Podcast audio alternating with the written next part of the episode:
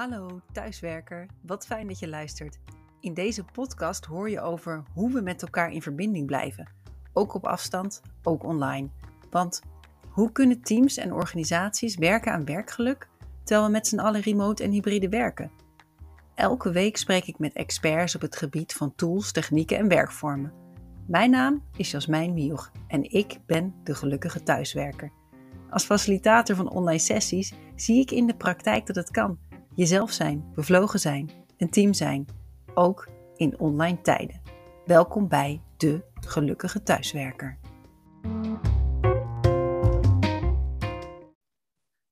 Waarom ben ik de Gelukkige Thuiswerker eigenlijk gestart? En ben ik zelf wel een gelukkige thuiswerker? Vragen die bij mij leven en misschien ook bij anderen. En ik ben ontzettend blij dat Marjolein Snieder hier vandaag is om mij te interviewen. Zodat ik hier meer kan vertellen over waarom ik dit doe en waarom ik het iedereen gun om gelukkig thuis te werken. Marjolein, wat fijn dat je er bent. Ik geef het stokje nu aan jou over en ik ben heel benieuwd welke vragen er komen. Ja, ik kan me voorstellen dat het misschien een beetje wennen voor je is, zo aan de andere kant van de microfoon. Maar ik ben inderdaad heel erg benieuwd waarom je hier eigenlijk mee bent gestart. Wat gaf jou het idee om een podcast te maken? Het idee van een podcast leefde eigenlijk al heel erg lang bij me. En dat komt door een oude passie van mij, het maken van radio. Toen ik 16 was, ben ik een keer naar een open dag gegaan van de Hogeschool voor Journalistiek. En ik stond helemaal achteraan, het was heel druk, in de radiostudie. En iemand vroeg, wie wil even iets vertellen? Ik dacht, ja, ik sta achteraan, dus ik ga niet meteen uh, vooraan achter die microfoon springen. Maar niemand reageerde. En toen dacht ik, ik, ik probeer het wel. Nou, zo gezegd, zo gedaan. Ik had opgenomen, ik dacht, hé, hey, dit voelt eigenlijk best wel interessant, wat leuk. Dus ik vertelde dat aan vriendinnen op school, dat ik dat radiomaken zo leuk vond. Ik was 16. En toen zei er eentje, oh, maar ik ken wel iemand die bij een radiostation doet, werkt. Bij het lokale radiostation, toen nog Holland Centraal. En misschien mag je een keer gaan kijken. Nou, ontzettend leuk. Dus ik ben gaan kijken. En uh, ik mocht gewoon luisteren, het was een muziekprogramma. Maar vervolgens raakte we in gesprek en uh, vroeg, wat, wat wil je gaan doen na je studie? Ik zat in 5 VWO, denk ik, toen. Ik zei, ja, ik wil eigenlijk politicologie gaan doen. De journalistiek vind ik leuk, maar ik wil iets inhoudelijks leren. En zei, oh, maar we hebben ook een politiek radioprogramma hier over de lokale, de lokale politieke kwesties. Wil je daar dan een keer gaan werken? Ik dacht, nou, ik wil wel een keertje kijken. Ik vond het echt wel heel spannend. En zodra ik er was, bij de eerste redactievergadering, zei ze, wil jij deze, dit, dit raadslid bellen? Om even te vragen of hij iets wil vertellen. Ik zeg, oké, dat is goed. En vervolgens zei ze, ja, maar wil je het dan ook vrijdag live in de uitzending even herhalen? Dat we, dat we even dat interview doen met jou. Ik zeg, nou, dat vond ik echt ontzettend spannend. En ik weet het nog precies, want het was een raadslid van de D66 uit Sassenheim. En ik was zo bang dat ik me zou verspreken. Het is uiteindelijk helemaal goed gegaan. En vanaf dat moment heb ik wekelijks een radioprogramma gemaakt, met, uh, voor vijf jaar lang. En die liefde is eigenlijk nooit verloren. Daarna jarenlang niks mee gedaan, maar nu podcasten zo weer in de belangstelling staat. Gecombineerd met mijn huidige passie, HRM, Learning and Development, werkgeluk, dacht ik, ja, dit is een gouden combinatie. Wauw, ik ben nog helemaal een beetje in shock. Je hebt gewoon op je zestiende wethouders geïnterviewd en had je eigen radiostation. Ik denk niet dat er veel mensen zijn die dat je na kunnen vertellen. Ja, het radiostation was niet van mij, maar het programma, uh, dat draaide op een gegeven moment wel... Uh, ja, er waren op een gegeven moment steeds minder redactieleden, dus ik deed alles. Van eindredactie, presentatie, voorbereiden, debat leiden. Ik weet nog wel dat op een gegeven moment twee jaar later waren er gemeenteraadsverkiezingen. En er stonden allemaal wethouders op een rij ik mocht ze interviewen en dan zei ze allemaal keurig, mevrouw de voorzitter. En dan mocht iedereen het woord geven. En die passie voor gesprekken faciliteren, die is er ingebleven. Daarna, toen ik op de universiteit zat, ben ik voorzitter geworden van de universiteitsraad. Vond ik het ook heel fijn om iedereen aan bod te laten komen, om iedereen het woord te kunnen geven. En dat heeft zich gecontinueerd in mijn huidige professie. Het, leiden van gesprekken of het faciliteren van goede gesprekken. En ik weet Marjolein dat jij er ook veel mee doet zorgen dat mensen goede gesprekken kunnen voeren. En die passie, uh, die zit er bij mij ook wel in, eigenlijk al van jongs af aan. Geweldig. En nu dus tot uiting met de, de podcast De Gelukkige Thuiswerker. Hey, om even op die naam terug te komen, hoe ben je daar zo bij gekomen? Thuiswerken had ik al snel door is iets waar we allemaal aan moeten geloven. Moet ik eigenlijk ook weer terug in de tijd. Want je weet wel, maart 2020 wij werkten allemaal met elkaar op kantoor, ik tenminste wel. Bij de afdeling Learn and Development werkte ik toen. En in no time moesten wij allemaal thuis voor onbepaalde tijd. En waren wij verantwoordelijk voor, nou ja, als onderdeel van de HRM-afdeling, voor de medewerkers thuis. En hoe konden wij vanuit onze rol, vanuit onze positie, die medewerkers nou een beetje gelukkiger maken?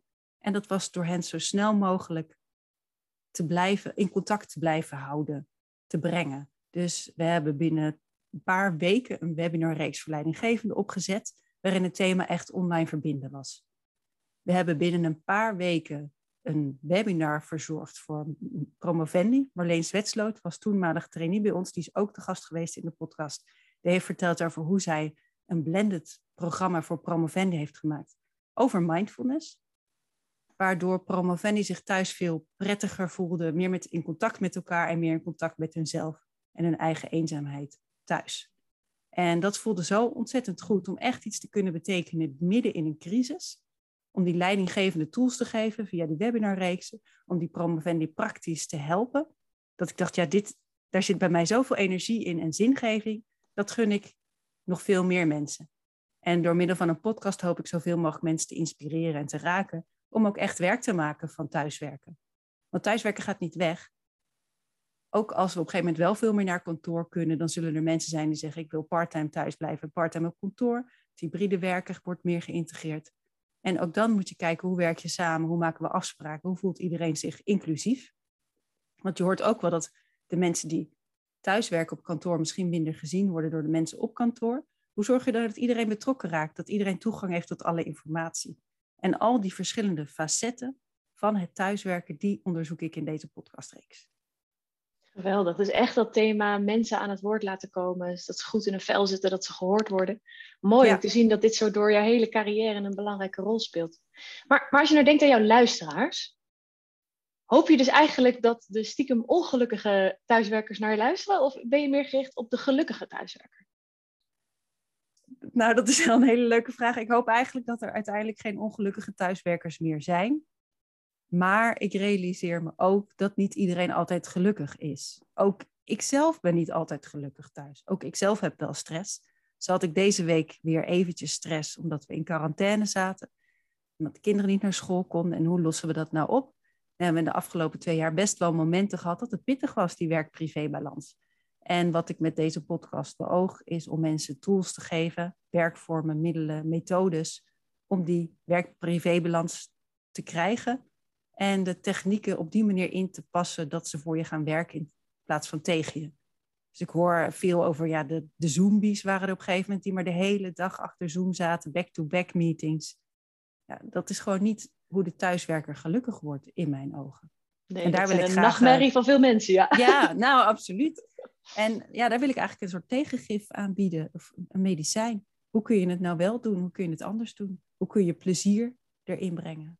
Ja, dus echt die balans laten doorslaan van het wat meer richting ongeluk naar meer geluk in thuiszitten. Ja. Nou, heb je daar, want je zegt, ik voelde me best wel lekker in het thuiswerken. Hoe doe jij dat? Hoe zorg je dat jij gelukkig bent in het thuiswerken? Ja, verschillende aspecten, maar belangrijk is denk ik dat ik de rust neem, de ruimte pak om te bewegen. Dus niet de back-to-back meetings te hebben. En soms merk ik wel dat ik heel veel afspraken op een dag heb. Dat hoort er soms gewoon bij. En dan vraag ik last minute ook wel aan, zeker als ik een gesprek één op één heb, aan die persoon. Vind je het oké als we even gaan wandelen? En dan wisselen telefoonnummers uit en dan wandel ik een half uurtje door de zon. En heel vaak krijg ik als reactie, toevallig vandaag nog van iemand die zei, dit was het beste idee van de week. Het is vandaag weer mooi weer, de zon schijnt buiten. En het is dan zo heerlijk om tussen je vergaderingen door even naar buiten te kunnen. En ik weet ook wel dat het niet altijd mogelijk is om zonder computer te vergaderen. Soms moet je gewoon iets laten zien, een presentatie, aantekeningen maken. Maar dan kun je ook zeggen, je splitst dit in delen. Eerst wandelen en brainstormen en daarna even nog samen zitten en de aantekeningen uitwerken, bijvoorbeeld. Dus dat is hoe ik het aanpak. En, dat is wel een hele mooie wat je daar zegt, ja, want die, die ervaar ik zelf ook wel. Dat het zo prettig is om af en toe bellend een afspraak te doen. Of in plaats van bellen, als je in dezelfde stad woont, dat je gewoon even afspreekt.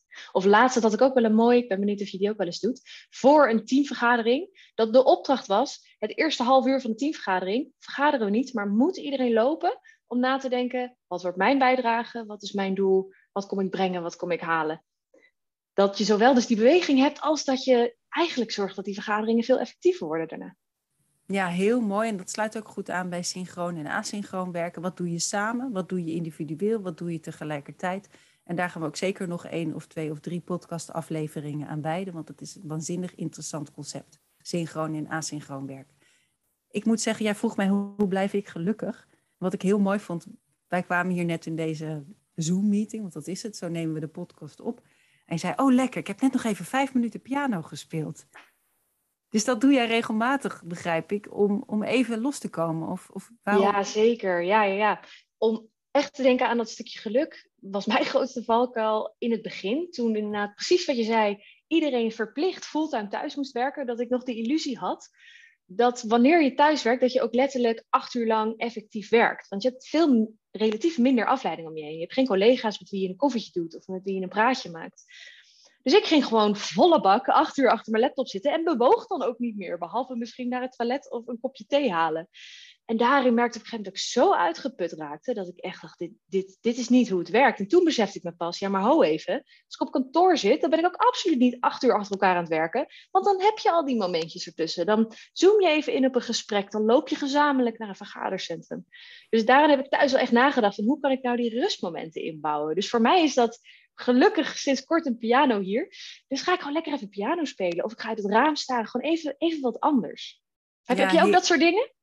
Ja, ja, een van mijn grote hobby's is lezen. Nou, in deze podcast vraag ik ook regelmatig aan mensen: heb je nog boekentips? En wat ik zelf doe, is ook gewoon, ik hou ook van fictie. Ook managementboeken, non-fictie, maar ook zeker fictie. Wat ik soms doe, is gewoon tien minuten of kwartiertje even iets lezen. En dat is helemaal niet lang, maar dat is wel om even helemaal een andere wereld te zijn. En dat is echt heel, heel fijn. Veel bewegen en als de kinderen thuis zijn, helpt dat natuurlijk ook. Dan ga ik gewoon even met ze thee drinken als ze uit school komen. En die balans, dus dat we veel meer tijd hebben voor de kinderen. Als ze thuis zijn uit school, dat je even met elkaar kan thee drinken, de dag doornemen voordat je bijvoorbeeld weer naar een vergadering achter je computer gaat. Dat vind ik heel erg waardevol. Ik merk ook, we hebben nu een soort ritueel in het gezin dat we met z'n vieren naar school lopen. Als de school open is en iedereen gezond is. Lopen met z'n vieren naar school. Het is maar vier minuten lopen of zo. Dan lopen mijn partner en ik samen terug. Soms nog in een klein omweggetje drinken we een kopje koffie, spreken we de dag voor en om negen uur zitten we helemaal fris weer achter de computer. En die kleine rituelen als gezin, die maken wel ja, dat het werk privé in balans is. Als ik denk aan de periode voor corona, waarin ik elke dag van negen tot half zes op de universiteit werkte. Ik fietste een kwartiertje heen, een kwartiertje terug. En ik werkte die acht uur dan achter elkaar op kantoor. Maar er was zoveel minder tijd voor het gezin. En toen waren mijn kinderen natuurlijk nog een stukje kleiner. Dus ik, ik miste dat wel. Ik maakte ze soms een hele dag niet mee. En nu, nu is dat veel, eh, ja, veel dichterbij. Dus dat is fijn. Wel prachtig. Echt van die mooie koestbare momentjes kan je nu gewoon zelf inbouwen. Dat je je vrijheid eigenlijk hebt door thuiswerken. Nou zeker. En ik zal het nooit vergeten. Dat was in de, de eerste zomer van de coronacrisis. Het zomer 2020. Het was echt bloedheet en ik werk op zolder. Uh, en het was echt ontzettend warm. En op een gegeven moment loop ik naar beneden. En ik zie die kinderen in een badje spelen en ijsjes eten. Dus op een gegeven moment heb ik nog een, een gesprek, een call. En ik zeg, ja, ik zit nu met mijn voeten in een badje met een ijsje in mijn hand. En dit is ook het thuiswerken.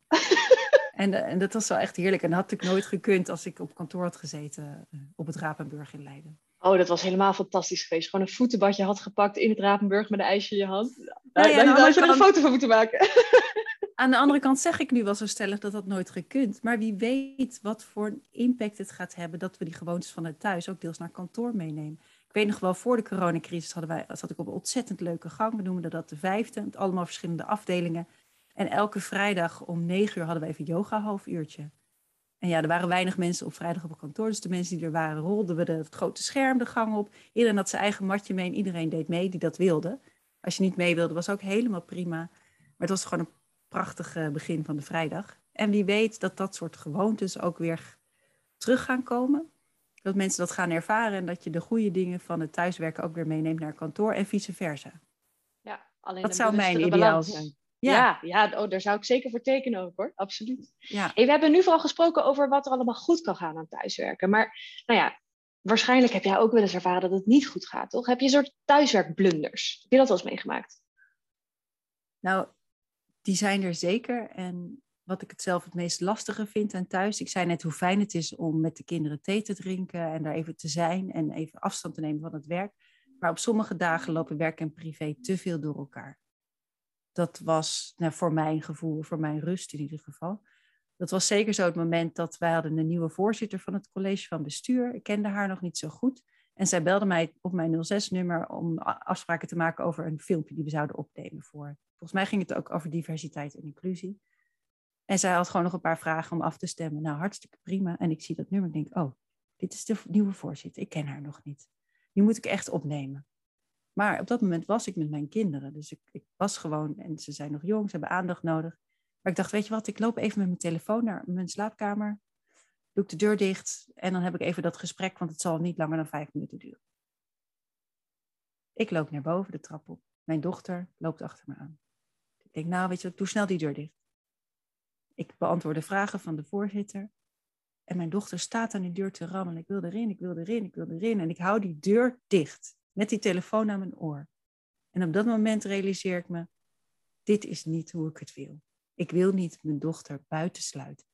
Maar ik wil ook de professionele collega zijn voor alle collega's. En zeker voor een nieuwe voorzitter die ik nog helemaal niet ken. Dus ik voelde een soort druk.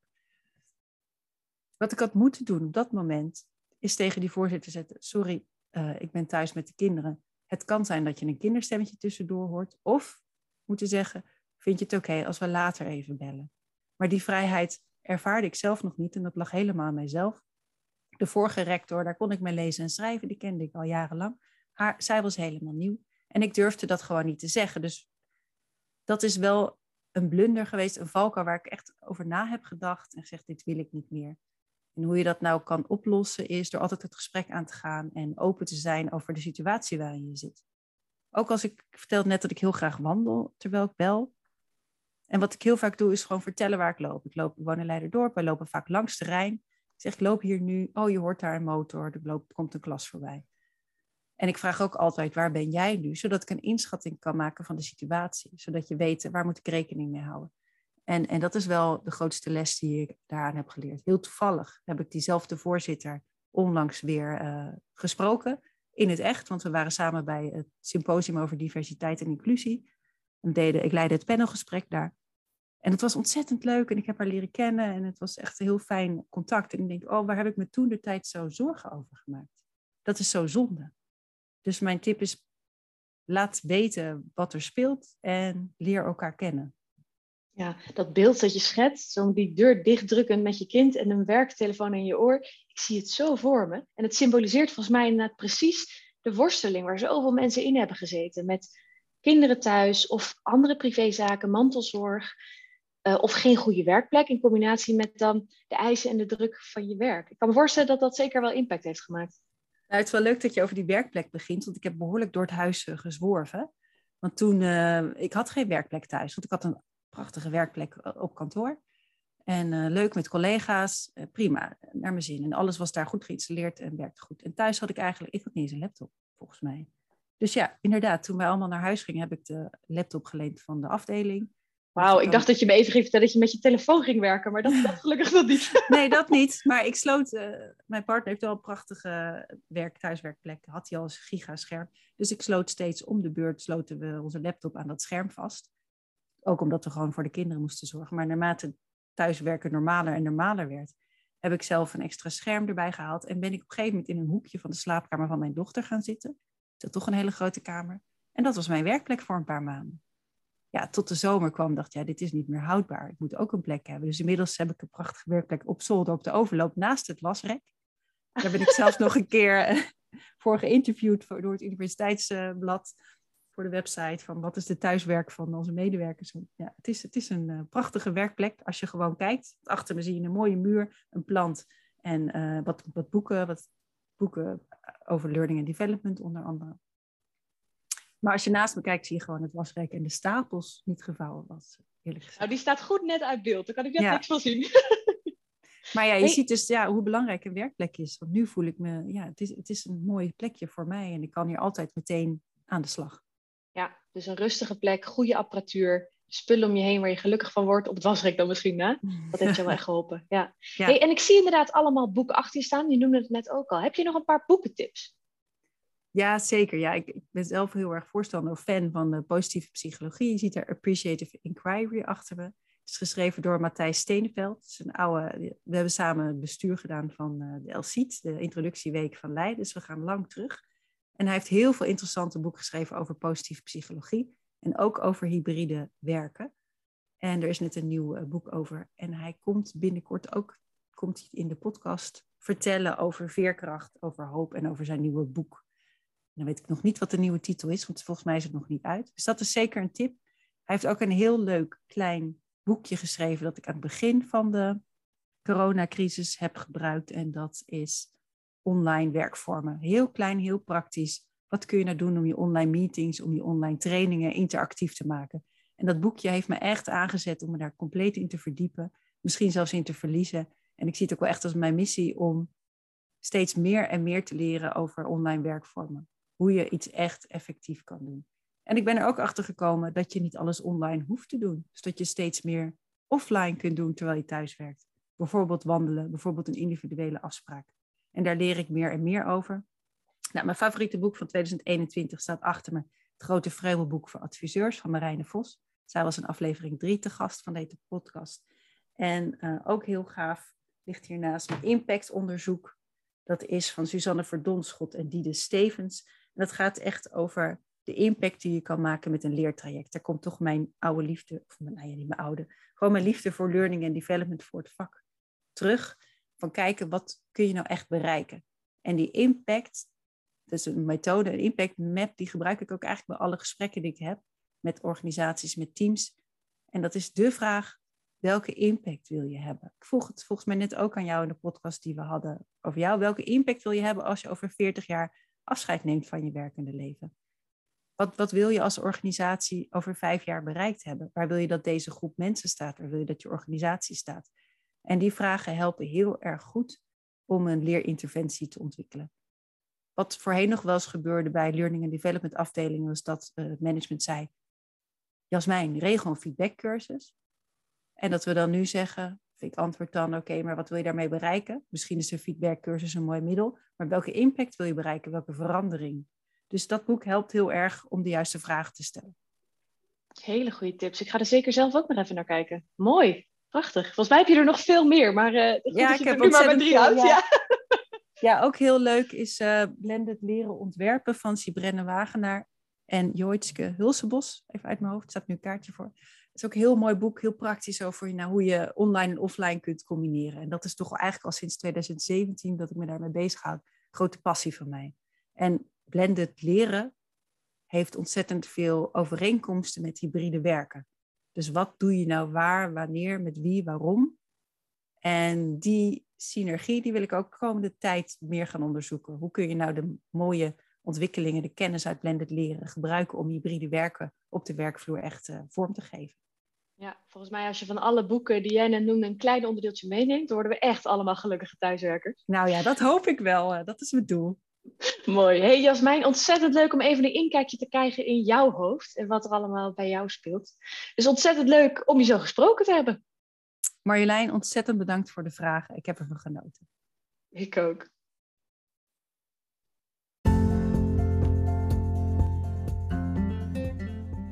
Dank je wel voor het luisteren naar De Gelukkige Thuiswerker. Heb jij zelf tools en tips die iedereen moet kennen? Laat het me weten. Of heb je een prachtig praktijkvoorbeeld?